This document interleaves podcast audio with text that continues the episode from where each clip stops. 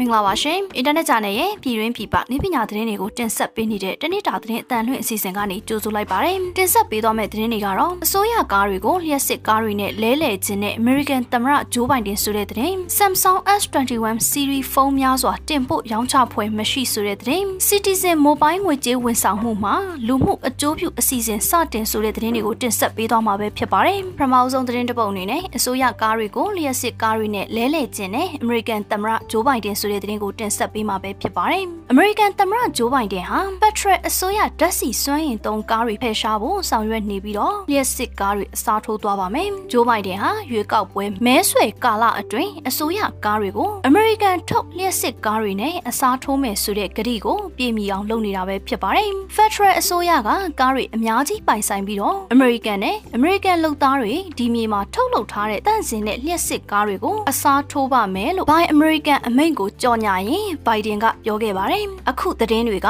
အမေရိကန်အခြေဆိုင်လျှက်စစ်ကားကုမ္ပဏီတွေအတွက်သတင်းကောင်းပဲဖြစ်ပါတယ်။ဒါအပြင် Ford နဲ့ General Motors တို့လိုနာမည်ကျော်ကားကုမ္ပဏီတွေကလည်းလျှက်စစ်ကားထုတ်လုပ်ဖို့ဒေါ်လာဘီလီယံပေါင်းများစွာရင်းနှီးမြှုပ်နှံထားကြပါတယ်။ဆက်လက်ပြီး Samsung S21 series ဖုန်းများစွာတင်ပို့ရောင်းချပွဲမရှိဆိုတဲ့သတင်းကိုတင်ဆက်ပေးမှာပဲဖြစ်ပါတယ်။ Samsung Galaxy S21 series ဖုန်းတွေမှာအလွန်ကောင်းတဲ့ flagship ဖုန်း၃မျိုးထုတ်လုပ်ထားပါတယ်။ Samsung Galaxy S21 Ultra ကတော့ဈေးနှုန်းမြင့်မားပြီးတော့အဆင့်မြင့်တင်ထားပေမဲ့ S21 ကတော့ဒေါ်လာ800နဲ့ပဲရောင်းချပါမယ်။ Samsung အနေနဲ့ဈေးနှုန်းကိုအနည်းငယ်ရှော့ချခဲ့ပေမဲ့ရောင်းအားမြင့်တင်ဖို့မစ조사ဘူးလို့သတင်းထွက်လာပါတယ်။ Samsung ဟာ2021ခုနှစ်အတွင်း Galaxy S21 series ထုတ်ကုန်တွေ26တန်းပဲတင်ဖို့ရောင်းချဖို့ခန့်မှန်းထားတယ်လို့ The Alert ကဖော်ပြခဲ့ပါတယ်။2020ခုနှစ်အတွင်း Galaxy S20 series ဖုန်းများစွာရောင်းချခဲ့ရပါတယ်။ဒါပေမဲ့ Samsung ကအဲ့ဒီကိန်းကနန်းထက်ပုံမလျော့နေပြီးတော့ခံမှန်းထားပါတယ်။ကမ္ဘာတဝန်း COVID-19 ကပ်ရောဂါဖြစ်ပွားမှုကြောင့်